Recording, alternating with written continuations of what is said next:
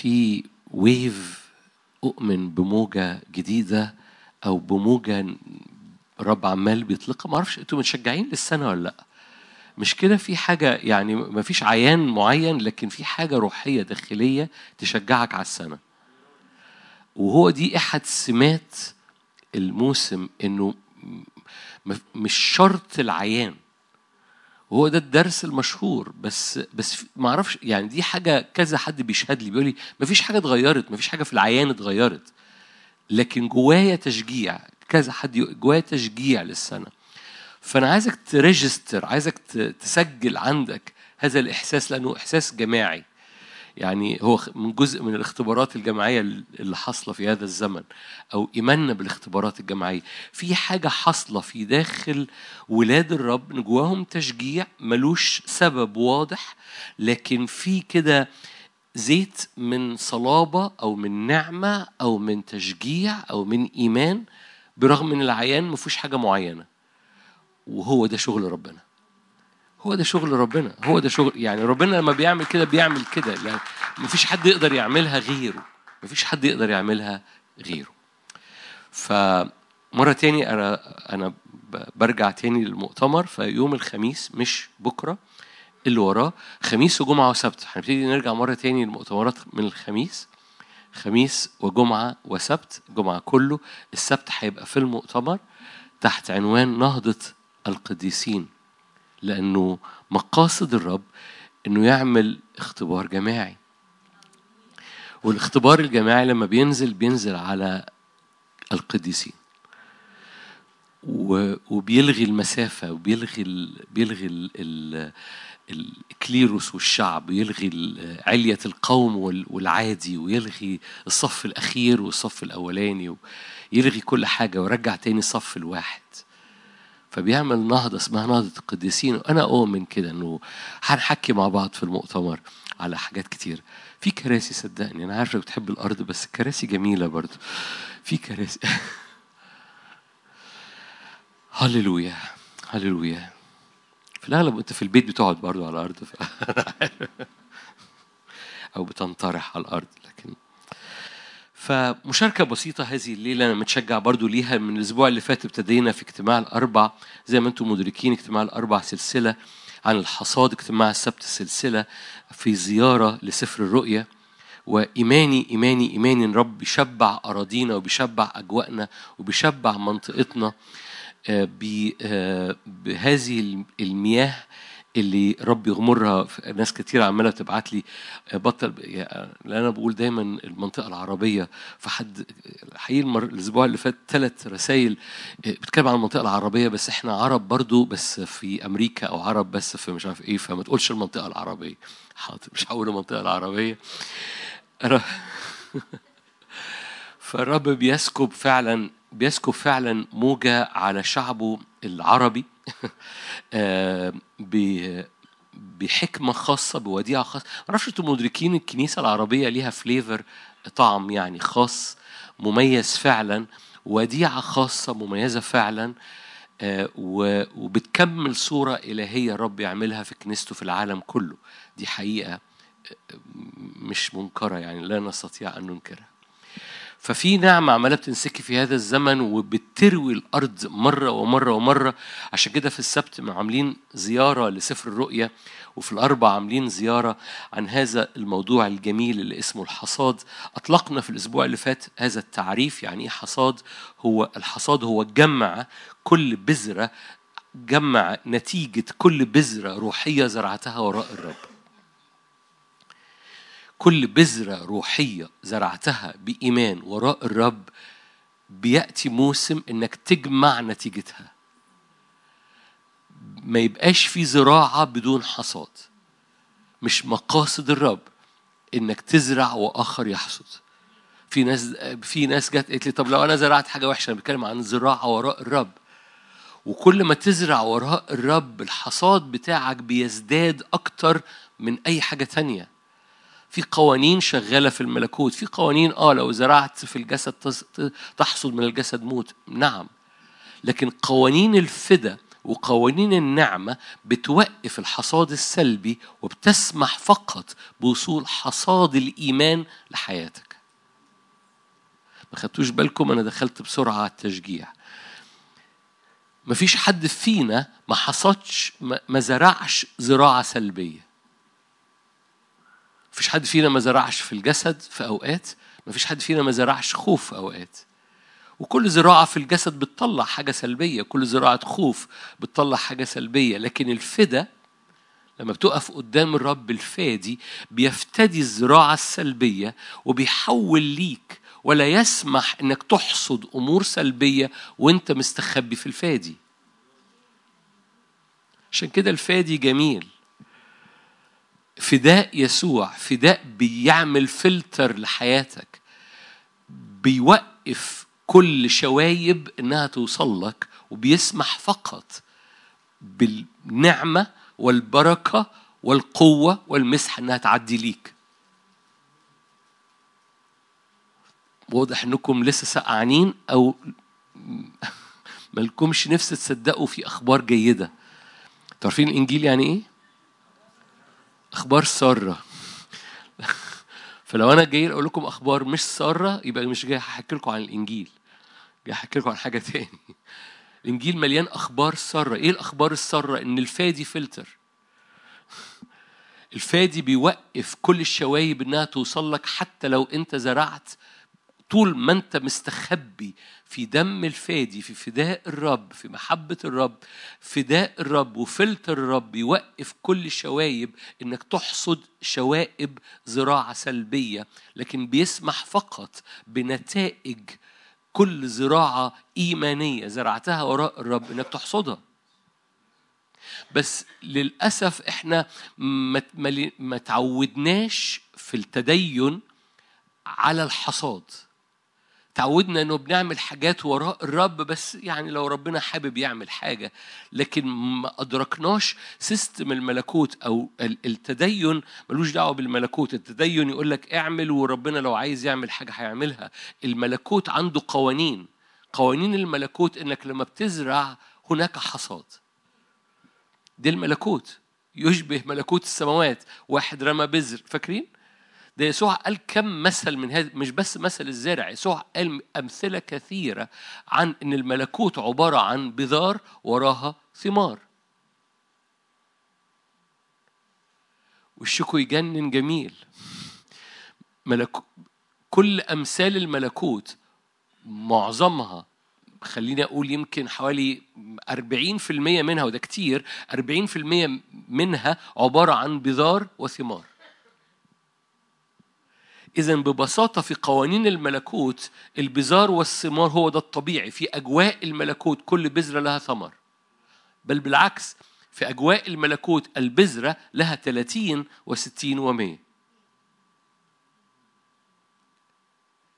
كل بذرة بتزرعها وراء الرب هو إيه؟ هو صلاتك ده بذرة إيمان. تواضعك ده بذرة إيمان. سجودك ده بذرة إيمان. أصوامك ده بذرة إيمان. اختيارك لما توصل في مفرق طريق وتختار الإيمان أو الروح أو التواضع أو آه، عدم الأنا في مقابل إنك تختار الجسدي أو الغضب أو الانفعال أو الكذب لما بتختار ده دي بذرة. كل مرة بتختار الرب أنت بترمي بذرة إيمان في حقل الملكوت والرب يقول لك كده لما ترمي بذرة إيمان هناك 30 و60 و100 أنتوا جمال مرة كمان. أنا هفضل أقول لغاية لما أرى أي نوع من أنواع الابتسامة على وشكم. مقاصد الرب مقاصد الرب إن نتملي بهذا الإدراك إنه كل ودائع روحية بتتحركها وراء الرب. رب يريدك أن تحصد. رب يريدك أن تحصد ويريدك انك تركز إنه هناك نتيجة. رب غير ظالم. عارفين الآيات دي؟ فينسى تعب محبتكم.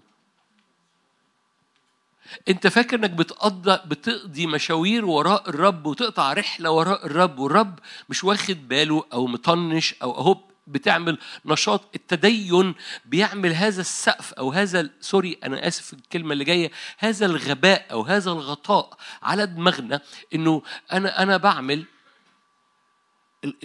ده, ده العبد العبد بيعمل كده. لكن الابن ما بيفكرش بالطريقة دي الابن بيفكر إنه إن أنا وأبي ده ده بيت أبي وكل حاجة بزرعها في بيت أبي أنا مدرك إن حصادها بتاعي. العبد بيف بيف أنا بعمل اللي عليا. فالعبد بيفكر بهذه الطريقة ولأن إحنا تربينا بهذا النوع من من العلاقة مع الرب اللي هو بتحاول ترضي السيد مش بتعيش في محبة مع السيد. وبترضي السيد بمحبتك وبتواضعك وبجريك عليه وبتكريسك وبكل حاجة من الحاجات اللي انت بتتحركها وراء الرب. بس كل حاجة بتتحركها وراء الرب لها نتيجة لها حصاد. ليه؟ لأنك انت مش بتعمل العبيد بيعملوه انت بتعمل الأبناء بيحبوه في بيت السيد. والأبناء هم بيعملوا حاجة في بيت السيد مدركين إنها بتاعتهم. بيشتغل في بيت أبوه. وبالتالي الحصاد أو النعمه أو البركه أو الخير أو الاتساع أو الرحب ال ال ال ال ال ال مش ع... بوقف نفسي من حبه كلمات عشان ذهنك ما يروحش لحاجات تانية لكن اللي هو ال ال ال الدنيا مش ضيقه ال ال ال ال الاجواء النعمه اجواء متسعه عشان كده وإحنا بنصلي أنا ذكرت هذه الآية برغم إن ده مش موضوعنا يعني. قال بولس قال كده للكورنثيين قال كونوا متسعين. إيه اللي بيضيق قلوبنا؟ إيه اللي بيضيق علاقتنا حتى مع ربنا؟ إيه اللي بيخليني في بعض؟ الاحيان مش قادر أصلي. ليه؟ لأن الدنيا ضاقت جوايا. إيه اللي ضيقها جوايا؟ أنا بعمل اللي عليا فلما بعمل اللي عليا وبعد كده ما ألاقيش نتيجة طب آه مش قادر أصلي. لكن في أجواء البركة الروحية في أجواء النعمة في أجواء المحبة في أجواء ده بيت أبويا ما بقولش بقى أنا مش قادر أصلي أو قادر أصلي ليا نفس ولا ما لياش نفس. طب أصوم ولا ما أصومش؟ أحب أكتر وراء الرب واقرا في الكلمة زيادة وألف الكلمة. لو عندي خمس دقائق فاضيين بدل ما ما ألف في التليفون ألف في الكلمة ليه؟ لأني بحب أبويا. وكل مرة بختار إني أحب أبويا بدل ما ألف في التليفون رب يراها بذرة. بأمانة يعني أنا بحب قوي الشاهد اللي بطرس قال لرب طب يا رب إحنا اللي سيبنا ومش عارف إيه وسيبنا وعملنا وعملنا لينا حاجة؟ قال له بص يا حبيبي ما فيش حد عمل حاجة ورايا إلا وله أضعاف. مش بس مش مش بس في السماويات هنا وفي السماويات مع حبة اضطهادات كده عشان عارفين لازم يبقى في ملح في الأكل عشان يدي طعم. فقال ما فيش ما فيش حد مشي مشوار ورايا إلا وله نتيجة ما فيش حد عمل تواضع ورايا إلا وله نتيجة ما فيش حد ساب حاجة ساب نفسه أو ساب وقت أو ما فيش حد عمل حاجة ورايا إلا وله نتيجة مش بس في السماوات وفي الأرض. ما حبه اضطهادات. يعني ال الحاجات اللي بتطلع العضلات بتاعتك لأن في كل تحدي اختيار وفي كل اختيار هدية. في كل تحدي انت بتختار ولما بتختاره في هدية. وبالتالي التحديات بتبقى سبب ترقيات. مش موضوعنا بس أنتوا وشكم هو اللي شجعني ان أقول الجملة اللي فاتت دي. أنتوا كويسين؟ طب أنتوا هنا ولا سقع... مخكم أنا حاسس إن مخكم سقعان مخكم في ال... في دي فريزر طب نعمل له إيه؟ نخلوا دي فروست ملوك التاني ملوك التاني أعرف الكلمة يمكن إيه؟ تسيح شوية. ملوك التاني أربعة. هاي. ملوك التاني أربعة. قصة لذيذة كلكم عارفينها. هبتدي من حتة وارجع لها تاني ونلعب مع بعض في الكلمة وبعد نصلي بالمناسبة أنا ليه دخلت من الحصاد على الاتساع؟ لأنه الحصاد دايما الحصاد بيحمل بعد ال ال ال ال الوفرة الرحب. حصاد. العبد بياخد أجرة الابن له حصاد. محتاجين نجدد ذهننا. لأن كتير بنتصور استجابة ربنا بالعافية بالقطارة. عايز فرح في في في الماكسيمم اللي يدهوني أنا بطل أكشر مش إني أفرح. ده ده, ده يبقى استجاب. مقاصد الرب مش مدينا بالقطارة. أحبائي يعني يعني جاء الوقت إنه حصاد يعني عارفين فاكرين الآيات يلقون في أحضانكم؟ يعني يعني يعني يرمي في حضنك ويملى يملى يملى يملى يملى القفه بتاعت قفه بودنتين. من المحبة من النعمة. إلهنا كده. أنا أنا بخبط في حاجة. أنا كنت هخش في الآيات بس بخبط في حاجة شايفها.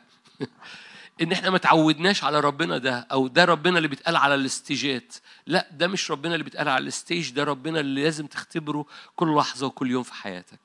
من المحبة من النعمة من القوة من من الحضور من. من إنه يسكب. فاكرين لما فاكرين لما جري للابن الأصغر؟ مش ده حصاد لأن الابن الأصغر اتدور وقال أرجع لأبي؟ ده حصاد. ده حصاد. الابن الأصغر قال اختار أنا هتدور هو دي التوبة هتدور وأرجع إلى أبي. إيه حصد إيه؟ حصد إن أبوه جري عليه وقع على عنقه قبله اداله الحلة الأولى وألبسه الخاتم الأول. هو ده إيه؟ ده حصاد. ده بذر بذرة واحدة من توبة. حصد خمس حاجات مليان حصد الآب واقع عليه. كل مرة بنختار بأمانة كل صلوة كل اختيار لأن إحنا طول الوقت عمالين بنختار وكل اختيار هو بذرة بترميها. يا إما بترميها في حقل الرب يا إما بترميها بعيد عن الرب. وكل بذرة بترميها وراء الرب بتطلع ثمر مضاعف. 30 و60 و100 أنا أنا عايز أفتح شهيتك إنك ترمي بذار كتير. ده هدف هذه ده هدف هذه الليلة. إنك ترمي بزار اختيارات ترمي بزار صلوات ترمي بزار تواضع ترمي بزار محبة. وثق ثق ثق وأنت بترمي البذره ارميها بإيمان. لأن بعضنا بي okay okay عايزنا نتواضع حاضر. ده مش ده ده ده العبد. لكن الإيمان بيقول أنا أنا أنا أنا أنا بدي نفسي. بختار. وهذا الاختيار أنا بختاره بفرح لأن أنا عارف وأنا بختار إني أتواضع. أنا بختاره بفرح لأن عارف إني حصاد سلام. أنا بختار إني أتوب وبختار إني أتوب بفرح لأن عارف ان في حصاد أنا بختار إني أغير طريقي أغير نظرة عينيا وبختار هذا الاختيار بفرح. بختار إني ما أقلقش وبصدق إن عدم قلقي له نتيجة.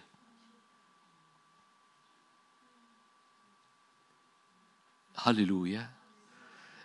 في وشوش ابتدت تسيح التلج ابتدى ينزل كده.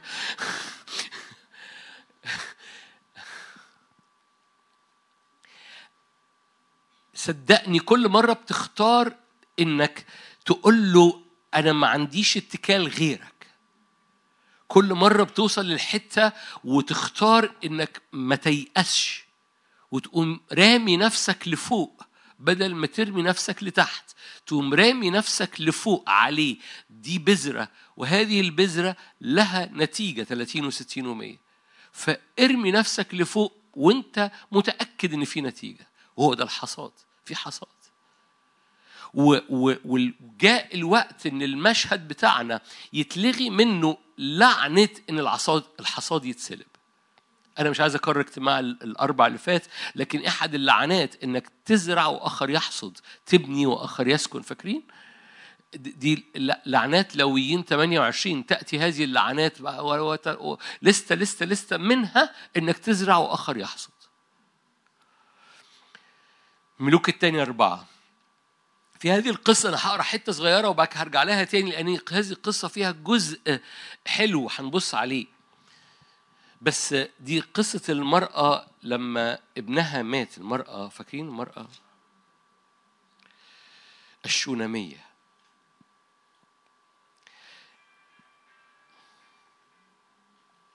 ألو؟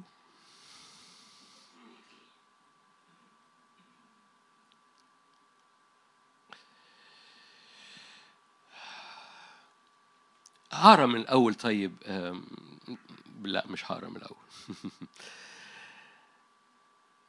آية 25 هقرأ من أول آية 25 وبعد كده نرجع للقصة مرة تانية. انطلق انطلقت المرأة حتى جاءت إلى رجل الله إلى جبل الكرمل لما رآها رجل الله من بعيد قال لجحزي غلامه هوذا تلك الشونامية ارقد الآن للقائها. قل لها أسلام لك؟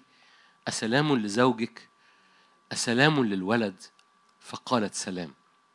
لما جاءت إلى رجل الله إلى الجبل أمسكت رجليه فتقدم جحزي ليدفعها. قال رجل الله دعها لأن نفسها مرة فيها. الرب كتم الأمر عني ولم يخبرني. قالت هل طلبت ابنا من سيدي؟ يعني أنا أنا كنت كافية خيري شري وما طلبتش في الأصل هذا الابن. ألم أقل لك لا تخدعني؟ جملة قوية جدا. ألم أقل لك لا تخدعني؟ يعني بعد ما جالي الابن مات الابن قال لجحزي قال إليشع لجحزي إجدد حقويك وخذ عكازي بيدك وانطلق.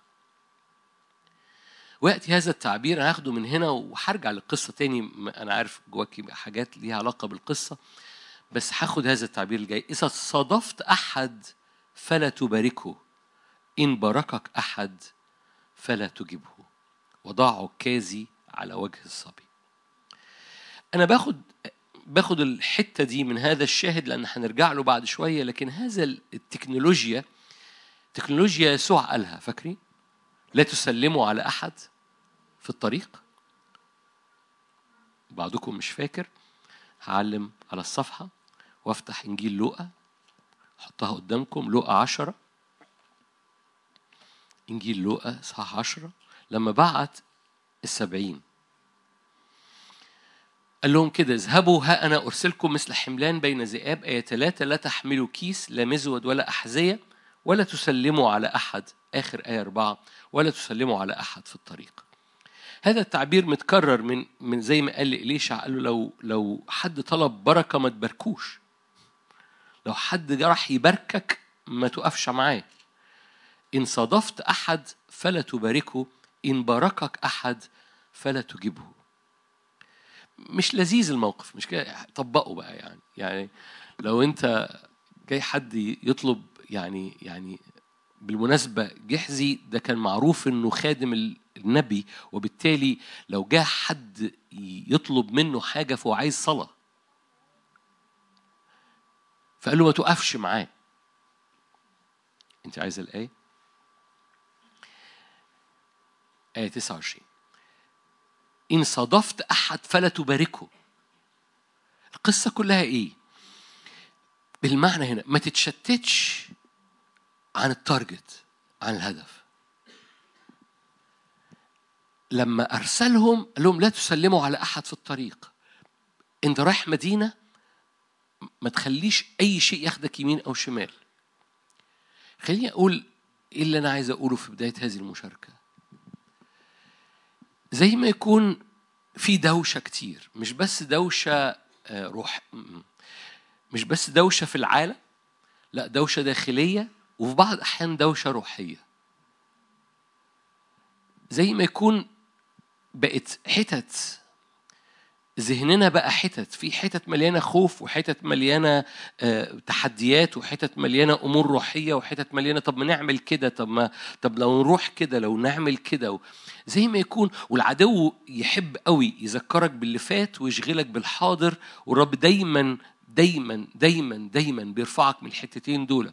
فالعدو طول الوقت عمال بيشتتك لورا أو بيشتتك تحت رجليك برغم إن دول كلكم عارفين إن دي في في في نظر شرعي وفي نظر غير شرعي؟ اللي بيحضروا من زمان أكيد فاكرين المفروض. إنك تنظر لورا مش شرعي. إنك تنظر يمين وشمال مش شرعي. إنك تنظر تحت رجليك مش شرعي.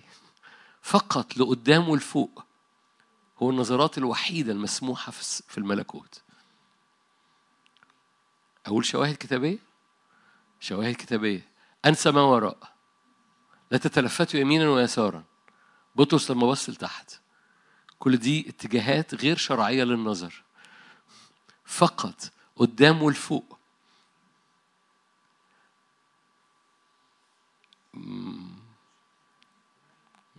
مش لزاز ما حدش ابتسم.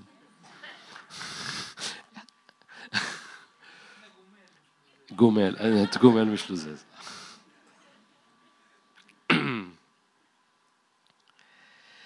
فقال له كده لو لو جالك حد لا تباركه تصور ده رجل الله بيقول له كده يعني هو ممثل رجل الله لو لو صادفك حد ما تباركوش ما تتشتتش حتى إنك تخدم ليه؟ أنت ما... أنتوا فاهمين قصدي يعني إيه؟ يعني أنت أنت موجه زي ثبت وجهه تجاه أورشليم، ثبت وجهك تجاه التارجت. في في مقاصد في في تكليف في دعوة في أمور الرب كلفك بيها في هذه الأزمنة في أمور رب حطها قدامك في هذه الأزمنة شخصية للترقية وعامة للخدمة ونقلة في حياتك الروحية ثبت وجهك عليها. تجي لك فكرة جميلة تانية ما تتشتتش بيها. طب دي فكرة جميلة ما تتشتتش بيها. دي فكرة روحية. آه بس ما تتشتت. ماذا قال الرب ليك؟ ماذا يقول الروح للكنيسة؟ قال لفيلادلفيا تعمل لكنيسة فيلادلفيا تعمل كده. قال لكنيسة برغاموس تعمل كده. برغاموس ما تقولش طب ما أنا نفسي أعمل مش عارف إيه. ثبت وجهك. إن صادفت أحد فلا تباركه ليه؟ أنت معاك العصاية رايح تجاه الصبي. أنتوا معاكم ارسلهم اتنين اتنين إلى كل مدينة هو مزمع ان يذهب إليها. قال لهم لا تسلموا على أحد في الطريق. ما تاخدوش مزود ولا عصا في يدكم. يعني ما تشتتوش حتى بأمور شخصية ولا بأمور لا تسلموا على أحد في الطريق. أنا ليه ببتدي البداية دي؟ علشان أقول لك من فضلك في هذه الأزمنة ما تتشتتش. في دوشة كتيرة ودوشة بتزداد. بس بس ما تتشتتش. ليكن كل موسم انت ماشي وراء الرب مثبت وجهك على عين الرب وعلى ما يقوله الرب ليك في هذا الموسم.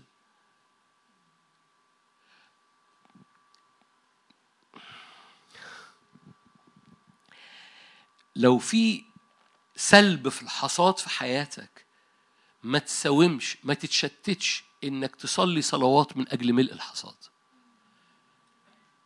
لو زراعتك مش بتأتي بالمحصول لو زراعتك الروحية وراء الرب مش بتأتي بالنتائج اللي اللي مفروض تأتي بيها ما تساومش. مش كله خير. أنتوا فاهمين قصدي يعني إيه مش كله خير؟ يعني يعني مش ده الحتة اللي فيها القناعة كنز لا يفنى. لأن مقاصد الرب إن يسكب يسكب يسكب يفتح قوى السماء ويسكب من كل محبة من كل نعمة من كل مسحة. ده وقت الكنيسة بتتملي. السبت اللي جاي السبت اللي جاي آه السبت اللي جاي هنحكي عن إزاي هو عمال بيملى في الكنيسة. ده في سلسلة سفر الرؤيا اللي بنحكي فيها. رسالة أرمية طيب. نبص على أرمية. طب خلينا في طالما إحنا في نفس الشاهد. بصوا المرأة عملت إيه؟ هو إيه اللي حصل في القصة دي؟ في ملوك الثانية أربعة. حبلت المرأة آية 17 ملوك الثانية أربعة 17 حبلت المرأة ولدت ابنا في ذلك الميعاد نحو زمان الحياة كما قال لها إليشع. كبر الولد. أوكي؟ مش دي نتيجة؟ حلو قوي حصل إيه بقى النتيجه في ذات اليوم خرج إلى أبيه إمتى؟ أبوه كان بيعمل إيه؟ كان بيحصد. أبوه كان بيحصد. قال لأبيه رأسي رأسي. قال الغلام احمله إلى أمه فحمله واتى به إلى أمه فجلس على ركبتيها إلى الظهر ومات. فصعدت واضجعته على سرير رجل الله. فاكرين؟ ده إيه؟ العلية أشكرك. إلى العلية وزي ما قلت لكم تعريف العلية التكنولوجي بتاع العلية لازم يملأ قلبك في هذا الموسم زي لو أنت بتتابع الخدمة. أن من أول هذه السنة أنا كل اجتماع هتكلم عن العلية. العلية هو مكان اتحاد السماء بالكنيسة مكان اتحاد السماء بحضرتك. غياب العلية هو العالم السفلي. يعني إيه العالم السفلي؟ هو اتحاد الأرضيين بأجناد الشر الروحية. يا إما علية يا إما العالم السفلي. يا إما يا إما يومك مليان بالعلية اللي محدش يقدر يفصلك عنها لأن العلية دي داخلية. كنت في الروح قدام الرب. هذه العلية متحركة معاك موجودة ليك في كل لحظة ولازم تملى يومك بالعلية. في العلية المعجزة بتحصل. هذه المرأة أخذت الولد الغلام اللي هو المفروض حصدها. اللي مات في الحصاد يعني زي ما يكون حصاد ومات. قامت أخذت الغلام وطلعت بيه العلية وحطته هناك. ونزلت كلكم عارفين القصة وإحنا لسه قاريينها. هذه المرأة ما تشتتتش. بعت لها إليشع الغلام. أسلام لك؟ أسلام لزوجك؟ أسلام للولد؟ سلام. عد أنت. وصلت منشنة على إليشع. حد فاهم حاجة؟ حد فاهم يعني إيه لا مساومة؟ أنا مش مش هساوم. منشنة على إليشع إليشع بعت الغلام بالعصاية لابنها؟ لو أنا الأم وهذا الخادم رايح يصلي لابني هطلع ورا الخادم؟ مؤكد هطلع ورا الخادم. ما طلعتش وراه. نو no. أنا مش مش مش مش متشتتة. أنا عايزاك أنت. هتفهم حاجة؟ لا مساومة مع أن حصادك يبقى كامل. لا مساومة مع نص مسحة. لا مساومة إنه يبعت لي جحزي بعصاية.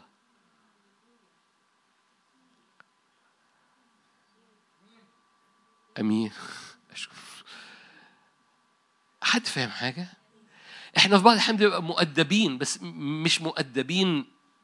إحنا إحنا مش مصدقين. بس بنسمي عدم إيماننا أدب. فإحنا لا مش معقولة أطلب يعني أكتر مش مع... هو اللي عايز يعمله يعمله. لما أرسل الغلام مرة تاني آية 29 قال لجحزي اجلد حقويك وخذ عكازي بيدك انطلق إذا صادفك أحد فلا تباركه إن باركك أحد فلا تجبه وضع عكازي على وجه الصبي. وانطلق جحزي. قالت أم الصبي حي هو الرب حية هي نفسك إني لا أتركك. جحزي انطلق بالعصاية. الست فضلت واقفة. جحزي راح لابنها. الست ما جرتش وراه. لا أتركك. فقام وتبعها. جاز جحزي قدامهما وضع العكاز على وجه الصبي فلم يكن صوت ولا مزغن. رجع اللقاء أخبره قائلا لم ينتبه الصبي. جحزي بيحط العصاية ويمشي. إليه شع بينام على الولد. ما خدتوش بالكم أو سقعانين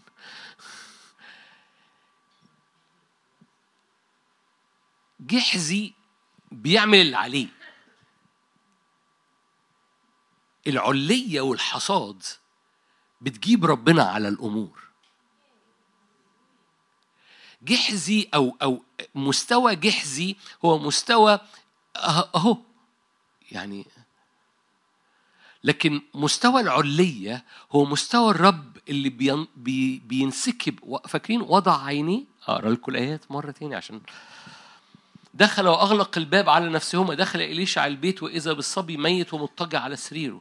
فدخل وأغلق الباب على نفسيهما كليهما وصلى إلى الرب ثم صعد واضطجع فوق الصبي وضع فمه على فمه عينيه على عينيه يديه على يديه تمدد عليه فسخن جسد الولد. خلي بالك الولد لسه ما قامش. بمعنى إنه جحزي يمكن لو كان خبط بالعصاية على رأس الولد. يمكن الولد كان قام جحزي مجرد حط العصاية ومشي. إصرار المرأة على الحصاد بتاعها. إصرار المرأة إنها أنا مش هساوم في حصادي أنا واقفة قدام المحبة والنعمة. أنا ما طلبتش أصلا ولد أنت اللي بتعطي بالنعمة ولأن هذا الولد نعمة هذا الولد يقوم.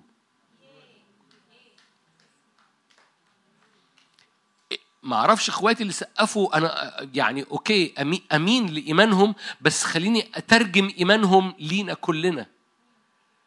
كل حاجة تنسكب بالنعمه على حياتك لا تسمح ليها إنها تموت. ما خدتوش بالكم وال stage ده ما يتقعدش عليه. كنت عايز أقعد وأدلدل رجلي. لو حاجة بتعملها بمجهودك ممكن تموت. لكن لو حاجة بتنسكب بالنعمة أنت لا تسمح ليها أنها تموت.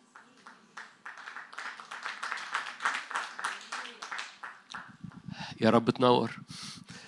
ما لو أنا اللي عاملها بالجسد أعمال الجسد ممكن تموت. فأتوقع إنها تموت. عملت عملت حاجة بدماغي. أوكي نجحت نجحت ما نجحتش ما عملتها بدماغي. لكن لو في أمر انسكب بالنعمة من عرش النعمة على حياتك عمر ما الرب هيسكب حاجة بالنعمة والهدف النهائي ليها إنها تموت. إن ماتت ما تساومش لازم تقوم.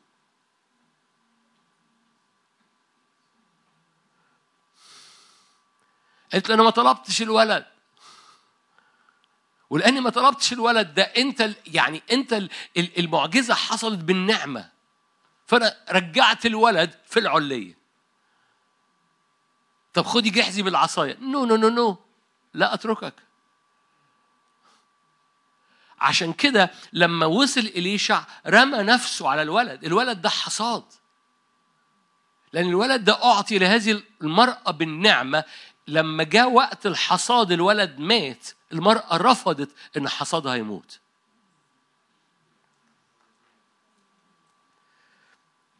ببساطة ببساطة لو أنا ختمت دلوقتي الصورة اللي جوايا كلنا نقف ورافعين إيدينا لا لا موت لأي نوع من أنواع الحصاد في حياتي. كل صلوة كل إيمان كل تواضع كل اختيار كل وداعة كل كل مرة بختار لا أنا كل مرة بختار إني أتحرك تجاهك يا رب. حصاد كامل كامل كامل كامل. وأي حاجة ماتت في حصادي تقوم. بحطها في العلية قدامك يا رب. اسكب نارك عليها. قومها بروح القيامة. كل خدمة خدمتها.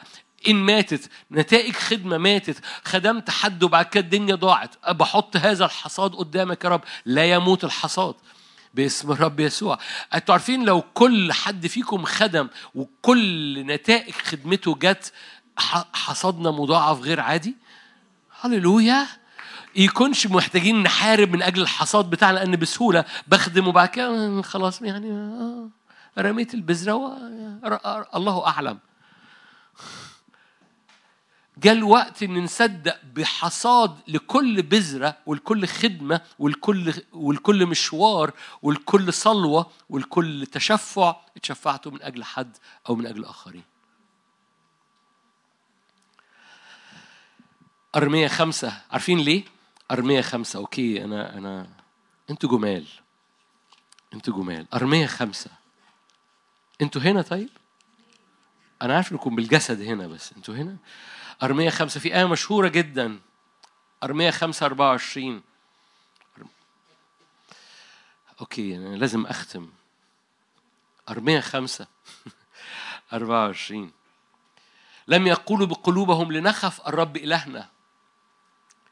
دي مخافة؟ آه ده الموضوع ليه مربوط بالمخافة. لنخف الرب إلهنا الذي يعطي المطر المبكر والمتأخر في وقته.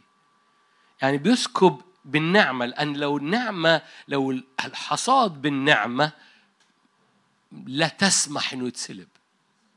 لو أنت اللي عامله اتسلب يمكن نتيجة طبيعية لكن لو هو اللي عامله أنت مهمتك إنك لا تسمح إنه يتسلب. عارفين التعبير اللي بنقوله كتير هو تعبير مشهور قوي. الرب مهمته إنه يسكب النار دورك إنك تحافظ على النار اللي سكبها الرب مشتعلة. عارفين الشاهد عارفين المعنى ده؟ رب بيسكب النار دي نعمة. انت دورك انك تحافظ على النار اللي سكبها الرب مشتعلة فرب يسكب الحصاد وانت دورك انك تحارب عن هذا الحصاد لأنه هو اللي سكبه لا يموت. إحنا التدين ما علمناش ان إحنا نحارب من أجل الحصاد.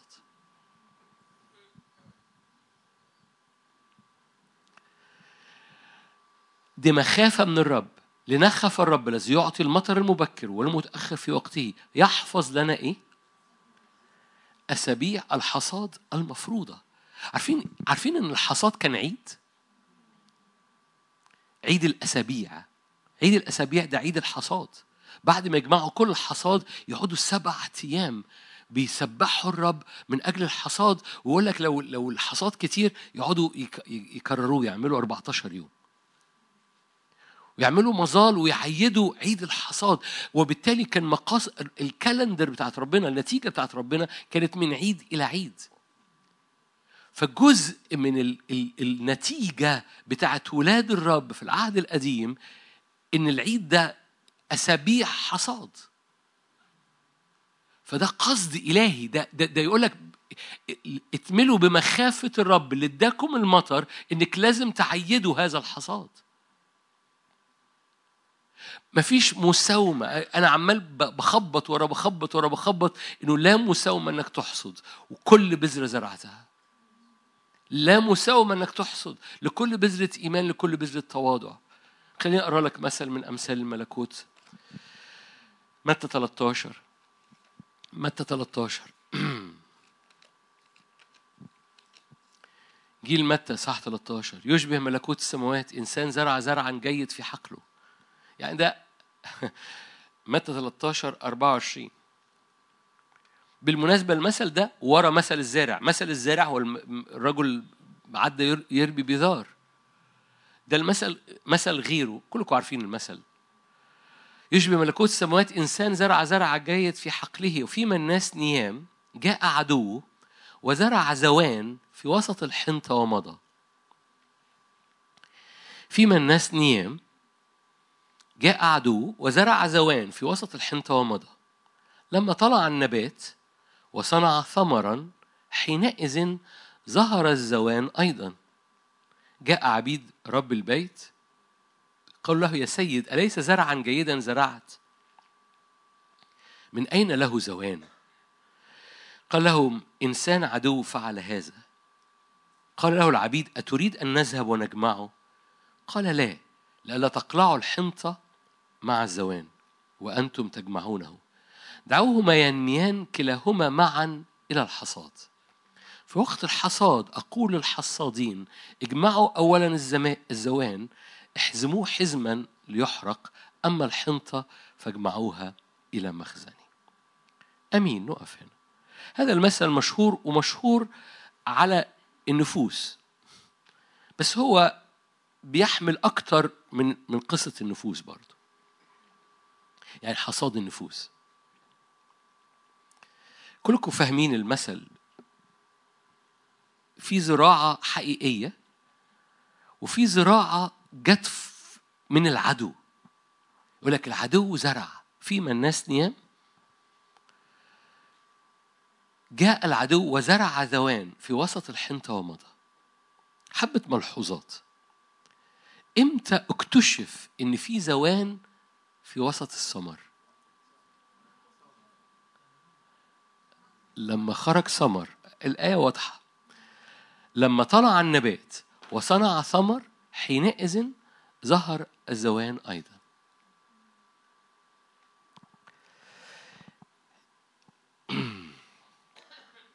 إحنا طول الوقت بنزرع. طول الوقت بنزرع. في حاجات وفي بعض الأحيان وأنت مش واخد بالك في بعض الأحيان بتحصل زراعة في النص وأنت نايم بتحصل زراعة في النص مش حقيقية مش ورا قلب الرب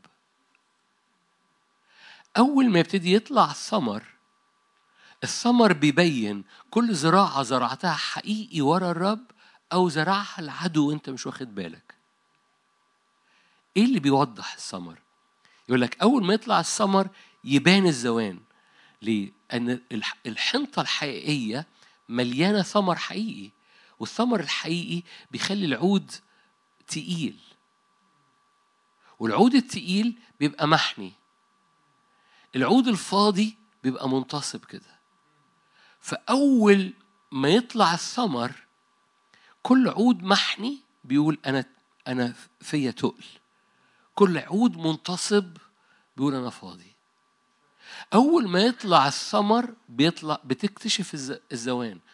لما طلع النبات وصنع ثمر حينئذ ظهر الزوان. بمعنى إيه؟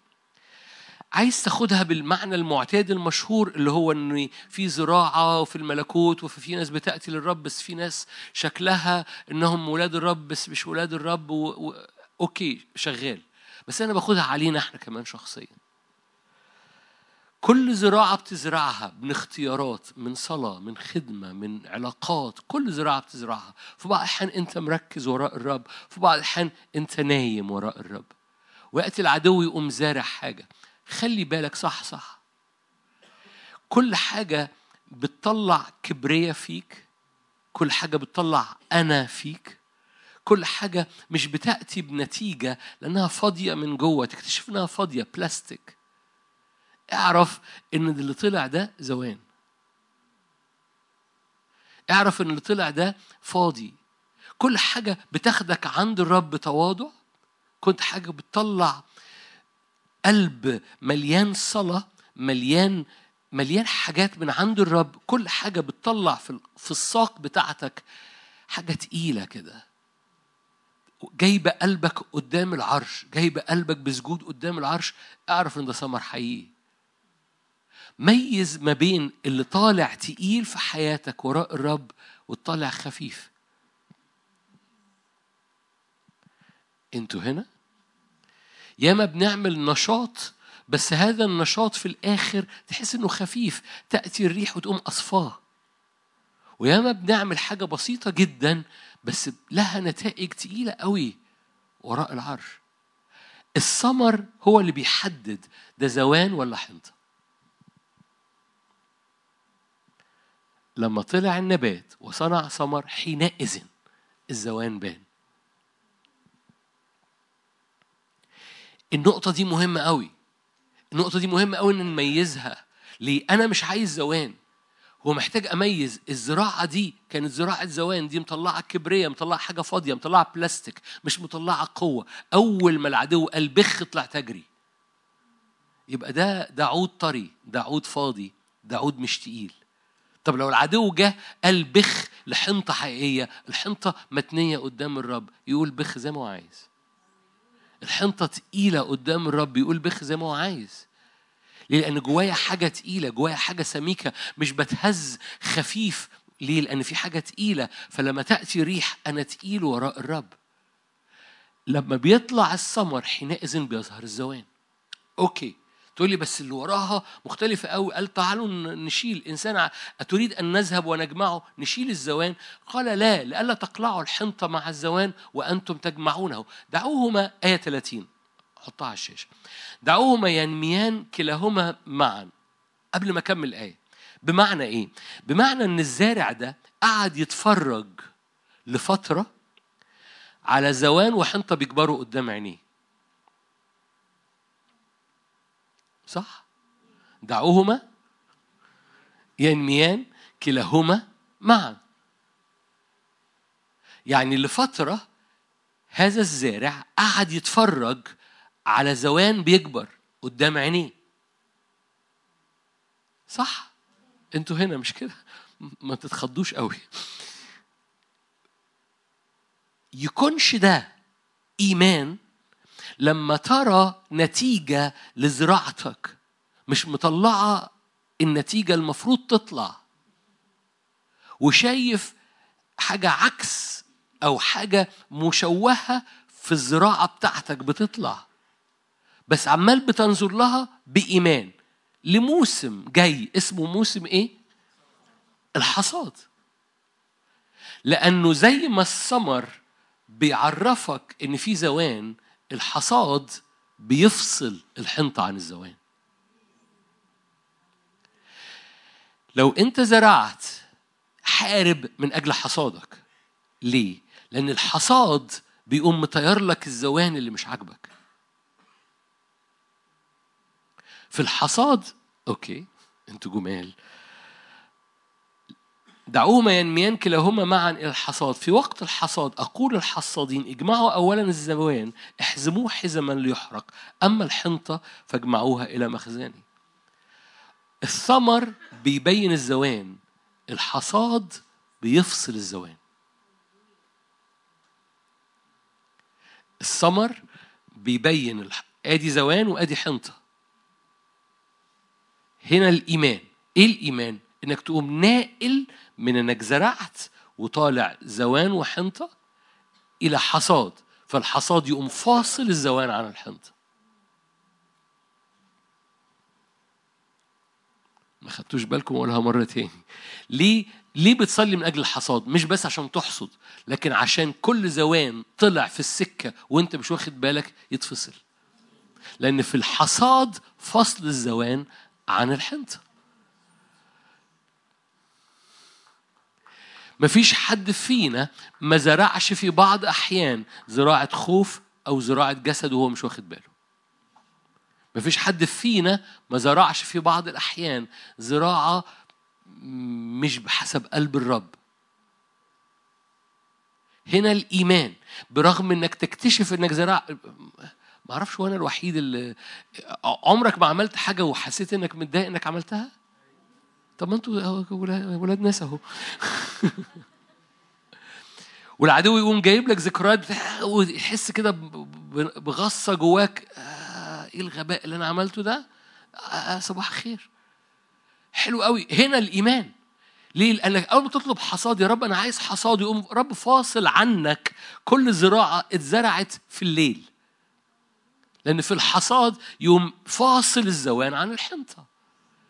بس خلي بالك أنت ميزت إن في زوان من إمتى؟ من الثمر. الثمر بيبين لك الزوان، الحصاد بيفصل لك الزوان.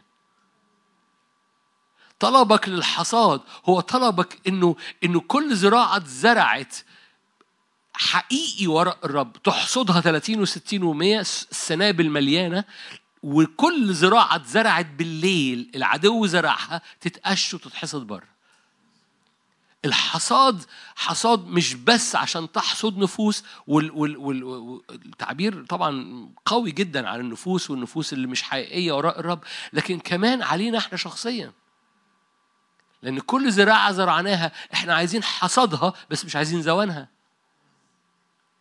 ولا إحنا في بعض أحيان وإحنا مش مركزين زرعنا أمور في الجسد مقاصد الرب إنك تتملي بحصاد وفير سخي فالحصاد بي بيفصل عنك الزوان عشان تتملي بالحنطة الحقيقية لأن الرب عايز يديك حنطة حقيقية. okay عشان الوقت أنتوا جمال أنتوا جمال. هتتعجب إيه أكتر سفر في كتاب مقدس زي فينا عارفين فوازير المدارس الأحد إيه أكتر في السفر في كتاب مقدس متكلم عن الحصاد إيه ده مين قال راعوث حضرتك؟ حد تاني في في صوت أنثى قالت راعوث okay. حقيقي. ده حقيقي فعلا. رعوس أكتر سفر متكلم عن الحصاد. يعني لو عملت بحث كده أكتر سفر بيحكي عن الحصاد هو سفر رعوس حاجة عجيبة جدا. وهاخد معنى معنى يعني تعالوا نقرأ آية طيب من رعوس رعوس اتنين. بس دي شطارة إن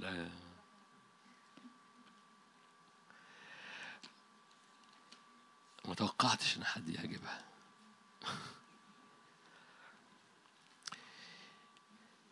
كل قصة كل قصة الحصاد في قصة رعوس إن رعوس اختارت إنها ما تبقاش مرة زي نعمة قال لا تدعوني نعمة دعوني مرة لأن القدير قد أذلني.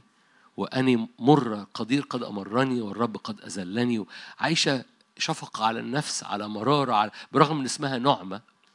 وفي نفس الوقت رعوس اختارت إنها تخرج من الحتة الضيقة دي. لها دعيني أذهب لألتقط وراء من أجد نعمة في عيني. فرعوس خرجت من الحتة المليانة شفقة على النفس إلى الحقل والحقل كان وقت حصاد. والحقل ده كان حقل بوعز كلكم عارفين التأملات الموجودة بس أنا عايز أبص على حاجة معينة قوي صغيرة قوي. كم الحصاد أو كم حقل بوعز تعالوا نبص كده. أوكي. رعوس اتنين.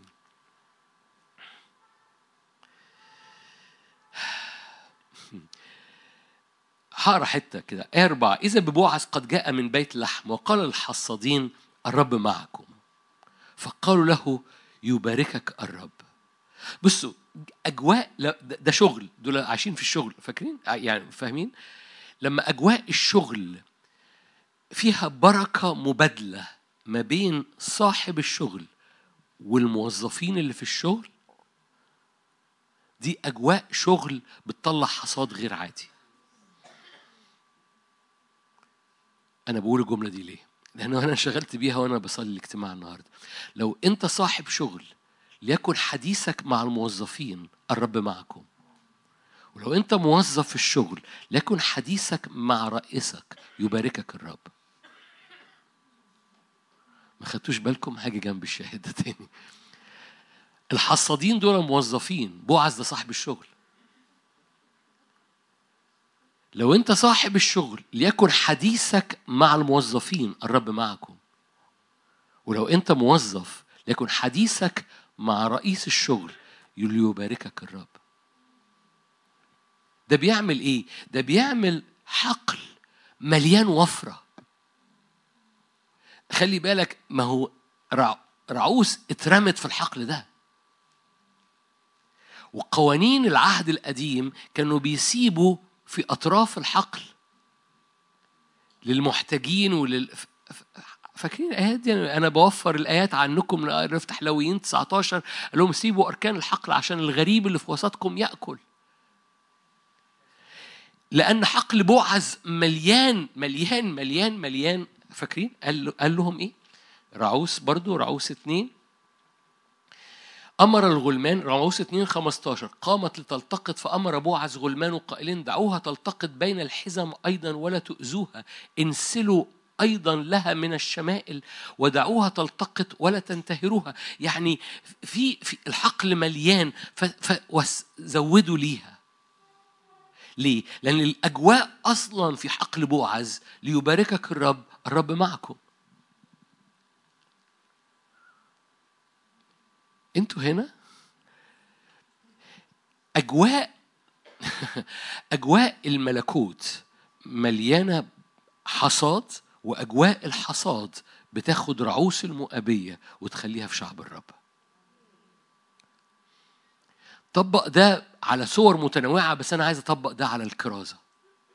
أجواء الملكوت مليانة شعب مصدق في الحصاد والشعب اللي مصدق في الحصاد بيخلي كل رعوس جديدة تخش الاجتماعات تتنقل في شعب الرب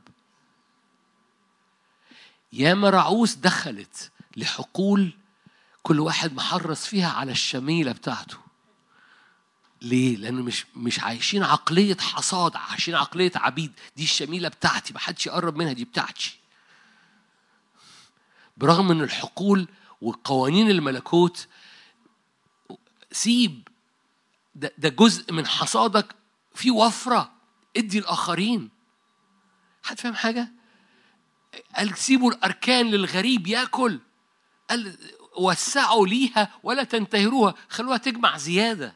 ليه؟ لأن أجواء الحقل ده ده حقل بوعز اللي مليان اللي هو بيروح للعمال بتوعه.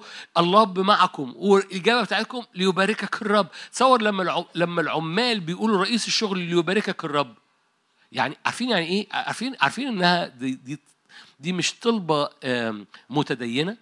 ما هو لو بوعز تبارك هم بيتباركوا.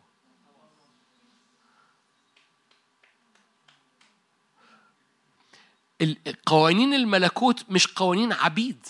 ما تحسش إنه بوعز بيتعامل معاهم الموظفين.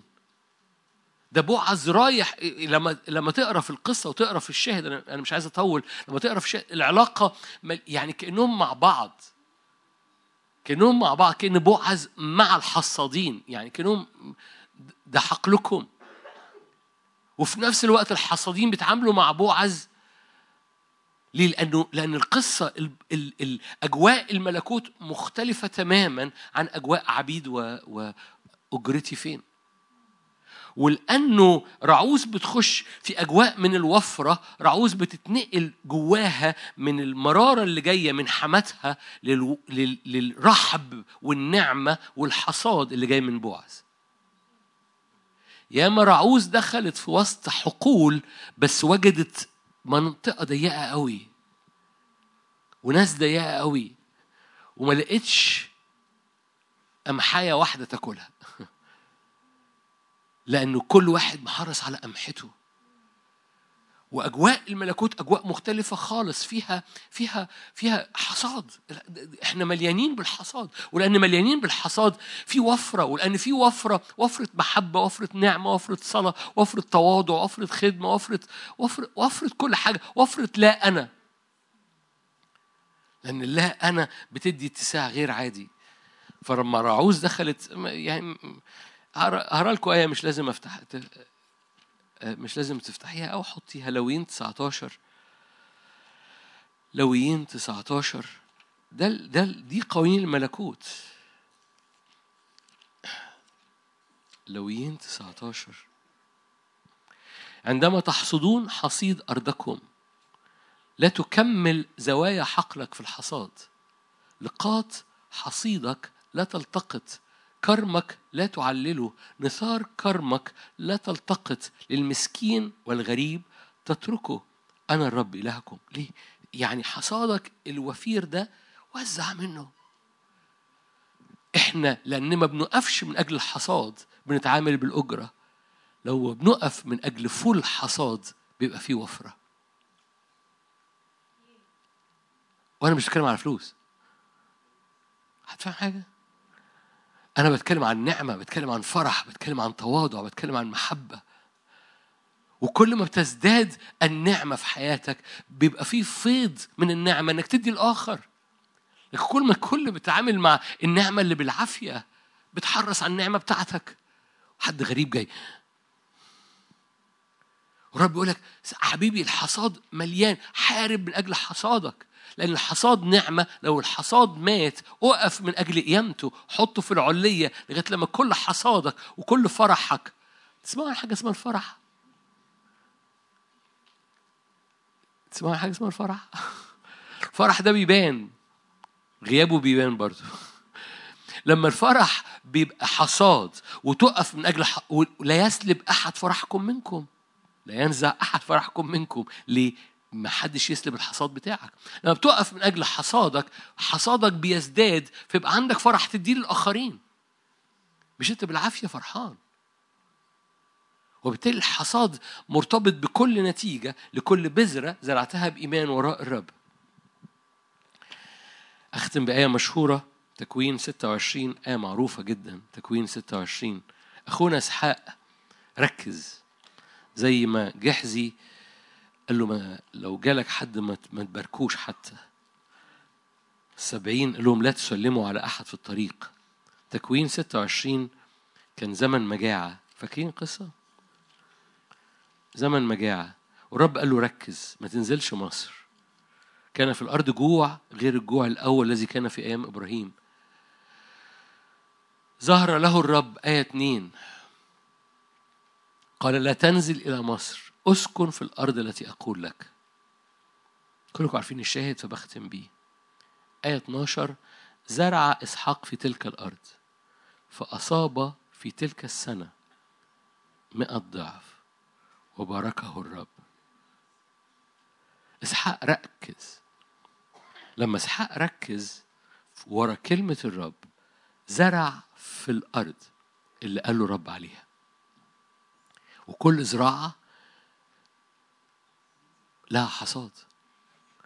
فزرع في تلك الأرض بس في تلك السنة اللي فيها جوع كلكم عارفين الشاهد. بس مش بس كده. إسحاق القصة اللي وراها قصة برضو مشهورة من غير ما نروح لها. فاكرين الآبار؟ نبش الآبار؟ إسحاق عمال بيطلع كل الحصاد بتاعه وكل الميراث بتاعه. وأول واحدة مخاصمة تاني واحدة منازعة تالت واحدة رحبوت وبعد كده قام زائق زقة كمان في الأرض. يقول لك فجالوا العبيد من بعيد قالوا لقينا بير زيادة اسمها شبعة. فدعي هذا المكان بئر سبعة. لما اسحاق اخترق من أجل ملء الحصاد زرع وجاب مئة ضعف بس جاب كل الآبار في ميراثه. لا تشتيت على الحصاد في حياتك. لا تشتيت إن يتسلب منه أو يموت. لا تشتيت إنه إنه انه كله بركة. مقاصد الرب ان يملى شعبه بإدراك وحرب من أجل كل حصاد في حياته. كل خدمة كل بذرة كل تواضع كل إيمان كل محبة. ولو أنتوا عيلة ازرعوا بإيمان. وثقوا إن الحصاد ده ليكم ولنسلكم من بعدكم. لأن مفيش زراعة بدون حصاد. آمين. خلونا نصلي مع بعض.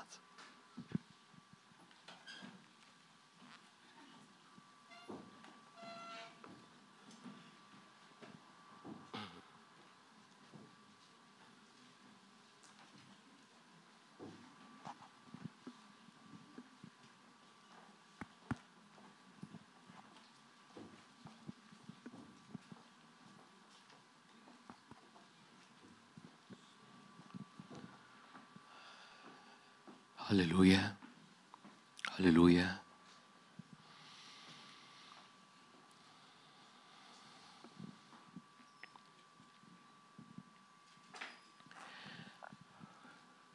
ممكن تحس إنك هتصلي صلوات كده اتحكت في وسط المشاركة بس ما تصورش أهمية إن أنت صوتك يطلع وإنت إنك قلبك يركز. ما تصورش أهمية نتيجة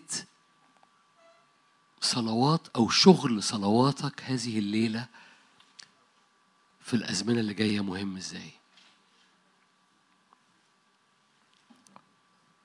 فارفع إيدك معايا.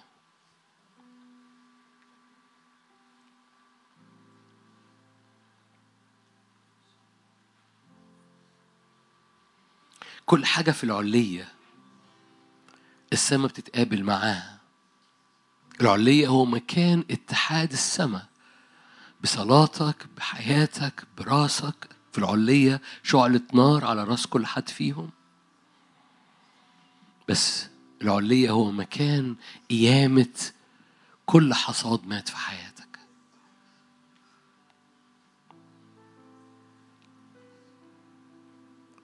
العلية هو مكان نار بتقوم سخن جسد الولد. اتجع عليه إليشع مرة ومرة ومرة ومرة إلى أن قام الولد عطس الولد سبع مرات وقام.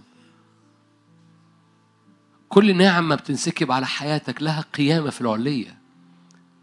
كل حاجة الرب سكبها على حياتك لا تموت إن ماتت حطها في العلية. كل خوف في حياتك كل زراعة خوف كل زوان اتحطت وطلع النهاردة حاجة باينة إنها ملهاش قوة حاجة ما فيهاش ثمر. حطها في العلية العلية هتحرق الزوان. عشان كده في العلية قال كده لما انسكب الروح القدس في أعمال اتنين قال كده رفشه بيده يقدس بيدره. يعمد بالروح القدس وبالنار.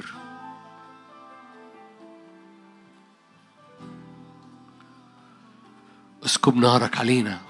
في العلية المعجزة طبيعية في العلية الولد بيقوم في العلية نعمة وقوة في العلية التعب بيتحرق في العلية الخوف بيتحرق في العلية ثمر مضاعف. لا مساومة لا مساومة لا مساومة. حصاد كثير.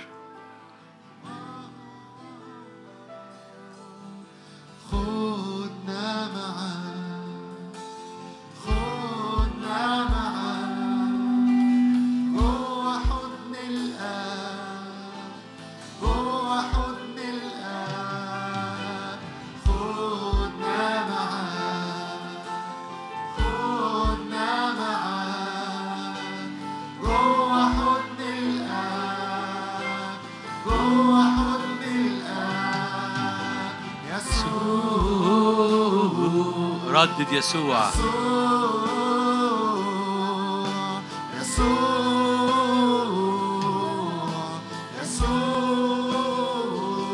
هللويا. نعمة مضاعفة.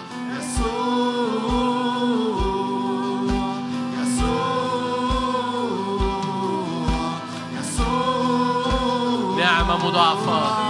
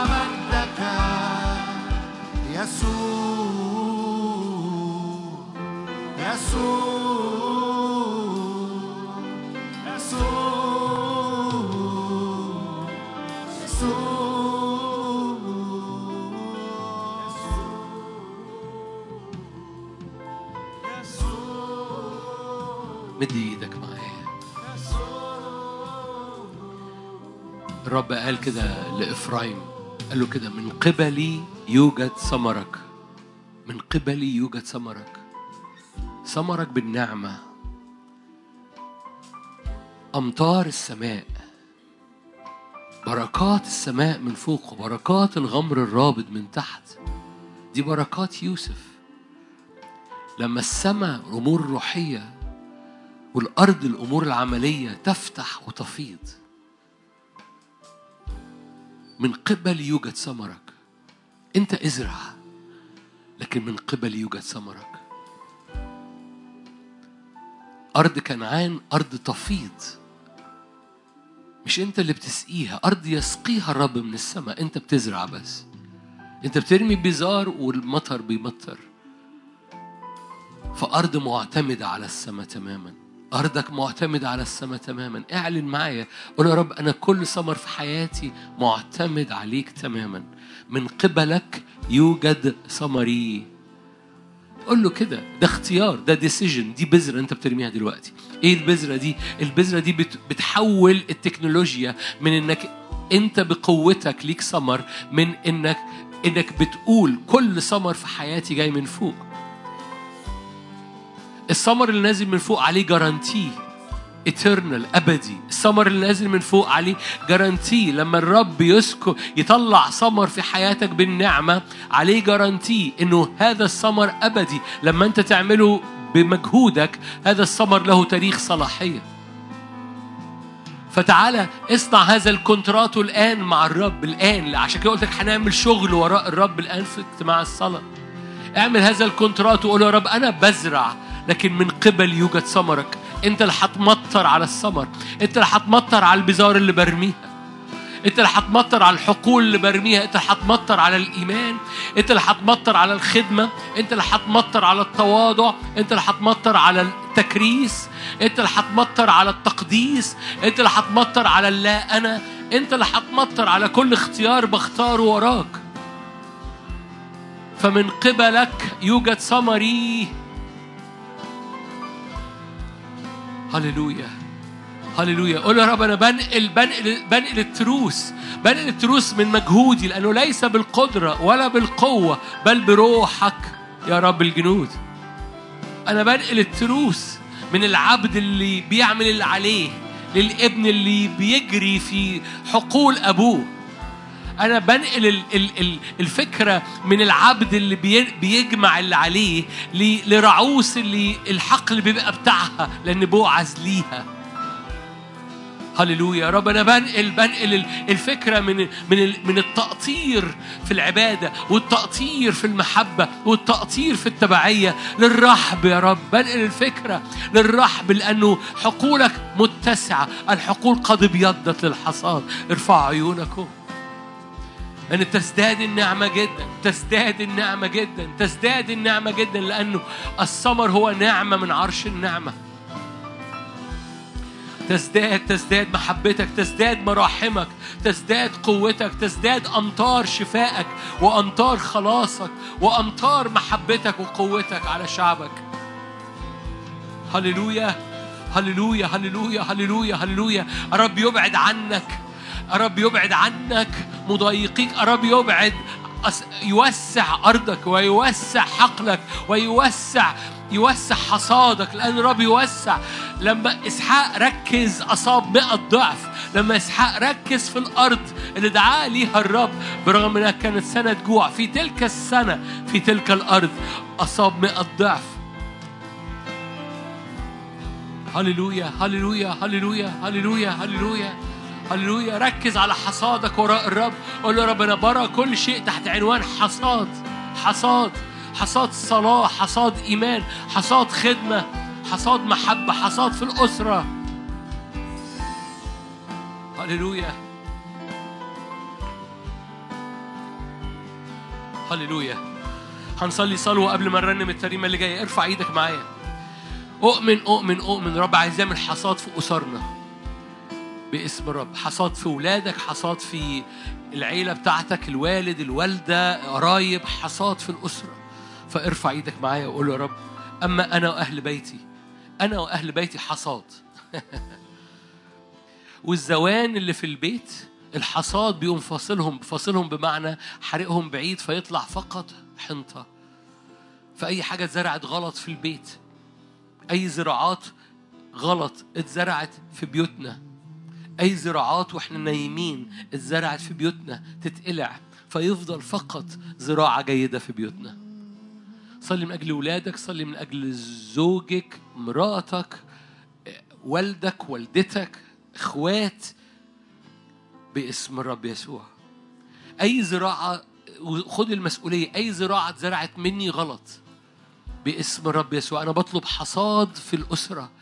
فيطلع كل حاجة في بيتي حنطة. هللويا. تيجوا نصدق في الحصاد في الحتة دي؟ تعالوا نصدق في الحصاد في الحتة دي. أما أنا وأهل بيتي كل أهل بيتي صلي. أنا كل أهل بيتي كل أهل بيتي. ما تسيبش حد كل أهل بيتي.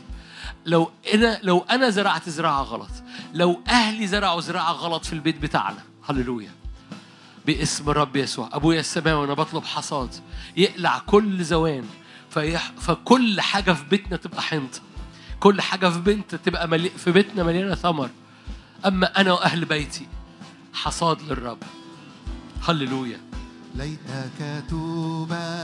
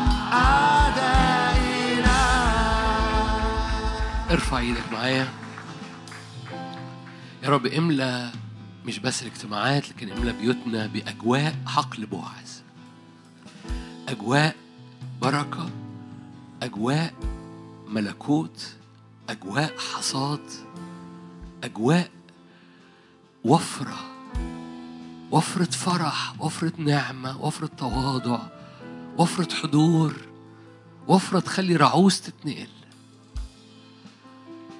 وفرة تخلي المؤاب يجري للرب. وفرة تخلي المديون المتضايق ومر النفس بطل. وفرة تخلي كل منحني أو مكسور يقوم ينتصب الشعلة المدخنة لا تنطفئ.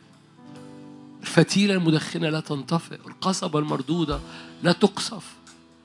تعالى املأ أجواءنا يا رب أجواء رحب رحب رحب في اسم يسوع. املأ نفسياتنا رحب. املأ محبتنا رحب املأ تواضعنا رحب املأ توبتنا رحب. فنتوب باتساع نفرح باتساع نحصد باتساع. نرى النفوس من خلال اتساع حبك أجواء حقل بوعز اللي مليان بوعز بيبارك الحصادين والحصادين بيباركوا بوعز باسم رب يسوع املانا بأجواء مجدك. في اسم الرب يسوع. في اسم الرب يسوع. المشهد في حقل بوعز مش الاحتياج. المشهد في حقل بوعز هو بوعز نفسه. المشهد في حقل بوعز ان الحصاد كثير. المشهد في حقل بوعز إنه هللويا إنه إنه الاطراف مليانة. الحنطة مليانة. يسوع قال قد أكمل it's finished مخازننا ملآنة تفيض من صنف صنف أهراؤنا ملآنة عدن ملآنة من جميع شجر الجنة تأكل. مش من معرفة الخير والشر من النعمة من الحضور من البركة.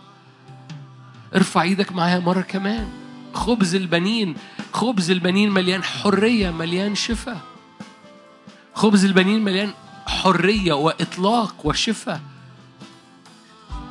أي حد محتاج اختراقة حواليه في أبوابه ارفع إيدك هناك اختراقة. أي حد محتاج عينيه وروحه ورجليه تخترق السد اللي وقف عنده ما بقاش بيتعدى. في حصاد لإيمانك في حصاد الحصاد ده اختراقة الحصاد ده أرض حرية. أؤمن أؤمن أؤمن إن في فعلا نعمة بترقية روحية من أجل الحاجات اللي كانت بترجعك لورا قبل كده. لا تعود تضايقك فيما بعد. لا يعود ذكر للبعل فيما بعد. أؤمن أؤمن أؤمن مش كلام مشجع لكن دي كلمة الرب دي آيات من عند الرب. لا يعود ذكر للبعل يعني لا يعود ذكر لحاجة اللي بترجعك لورا. فصلي معايا بإيمان هناك حصاد لهذا الإيمان. إيمانك لما يبقى للماكسيمم حصادك بيبقى 30 و60 و100 باسم الرب يسوع باسم الرب يسوع. اعلن معايا لا يعود ذكر للبعل. لا يعود ذكر للبعل في أفكاري. لا يعود للذكر للبعل في عينيا. هللويا. كل شيء بيرجع لورا كل شيء بيحاصر. لا حصار فيما بعد. لا حصار فيما بعد. هللويا. قال كده لا لا يلقون مترسة ولا حصار على هذه المدينة فيما بعد. باسم رب يسوع. هللويا. اعلن إيمانك معايا بروح الاختراقة. اعلن إيمانك معايا بال... بالاختراقة. لا أبواب ولا سدود ولا حصار. ولا حصار.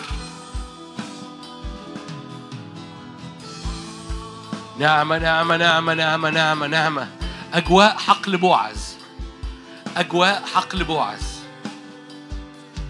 هللويا.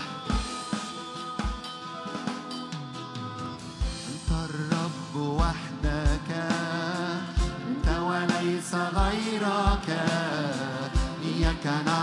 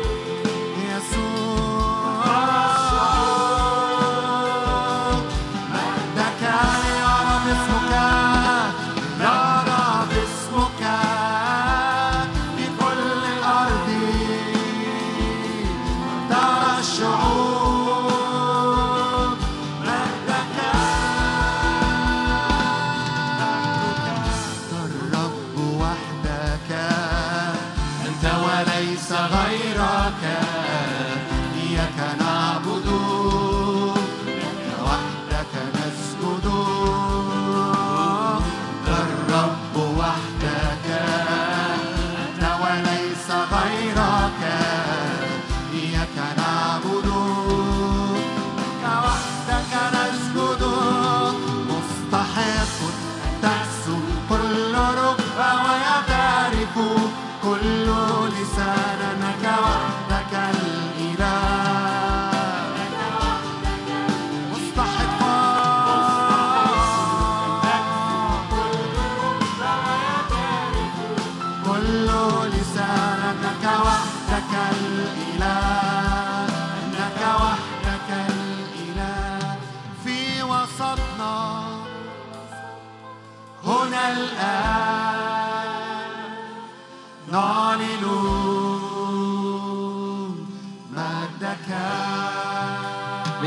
واستقبل في وسطنا.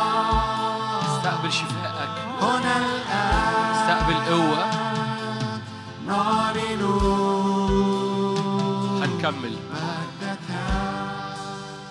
جوايا إيمان من أول اجتماع إن الرب عايز يكحل عينين هنا بكحل لإبصارات في الروح جديده هذه الآية موجودة في سفر الرؤيا. كحل عينك بكحل كي تبصر. دي أمور روحية.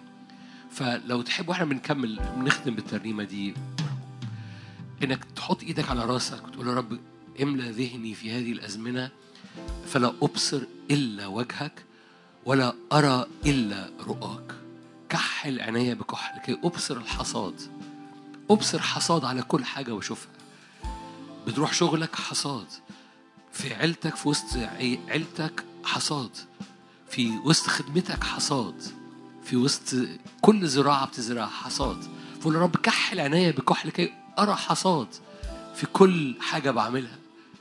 كل كل department كل قسم أنت بتمر بيه كل حاجة أنت بتعملها في يومك في ال schedule بتاعك. يومك بيعدي على إيه؟ على شغل وعلى بيت وعلى أصدقاء وعلى خدمة وعلى مشاوير و... كل ال... ال... ال... ال calendar بتاعتك. قول يا رب كحل عيني بكحل كي أرى كلمة حصاد على كل حاجة من الحاجات دي. قال كده ارفعوا عيونكم وانظروا الحقول قد ابيضت للحصاد. كل الحقول فيا رب نعم باسم الرب يسوع. تعالى اسكب الصورة اسكب الرؤية اسكب الحلم اسكب الحصاد. على كل حاجة بنعملها. اسكب الحصاد على قلوبنا. تعالى اسكب الآن دهنة على عينينا. كحل عينينا بكحل. لكي نبصر الحقول ابيضت بيوتنا استعدت. خدماتنا استعدت أراضينا استعدت بلادنا استعدت كنايسنا استعدت. لو أنت في مكان آخر بلد أخرى كنيسة أخرى صلي الآن من أجل كنيستك من أجل بلدك. حصاد كثير. اختبار جماعي لحصاد جماعي. لا يدخل واحد اجتماع لسه ما عرفش الرب ويخرج ما يعرفش الرب. لا يخرج واحد.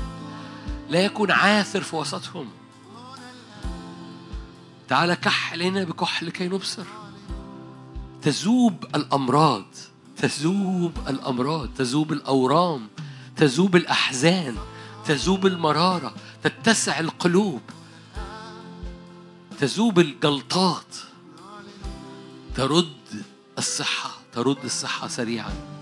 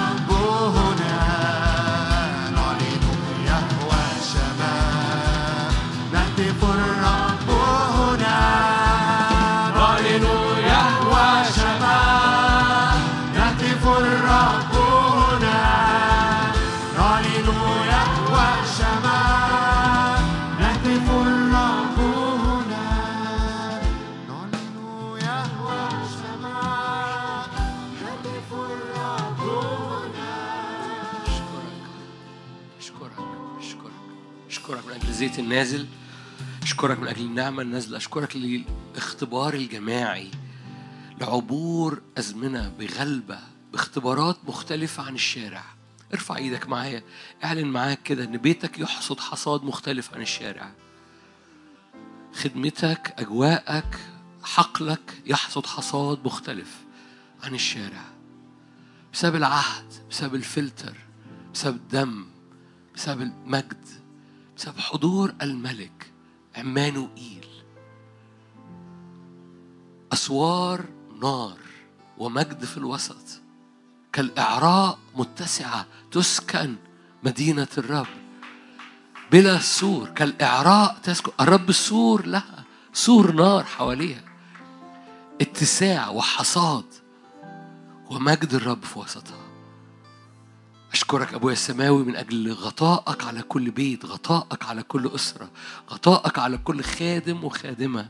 أشكرك من أجل يدك الموضوعة بنار حضور وبنار قوة. أشكرك من أجل الآيات والعجائب التي تسري على يدي القديسين. هذه الآيات تتبع القديسين هذه الآيات تتبع المؤمنين. يضعون أيديهم على المرضى فيبرؤون في اسم الرب يسوع. أشكرك أبويا السماوي يخرجون الشياطين باسمي. إن شربوا شيئا مميتا لن يضرهم. والرب أما هم فخرجوا وكرزوا والرب يعمل معهم ويؤيد الكلام بالآيات التابعة في اسم الرب يسوع. محبة الله الآب نعمة ربنا يسوع شركة وعطية الروح القدس تكون معكم وتدوم فيكم من الآن وإلى الأبد. آمين. ربنا معاكم ملء البركة أذكركم اجتماع السبت اللي جاي شغال الأربع شغال وبعد كده خميس جمعة سبت اللي عايز يحجز مع سوسو مش عارف في أماكن مفيش. اللي عايز يحجز مع سوسو واقفة ورا آه خميس جمعة سبت مش بكرة اللي ورا. أمين؟ ربنا معاكم ملء البركة.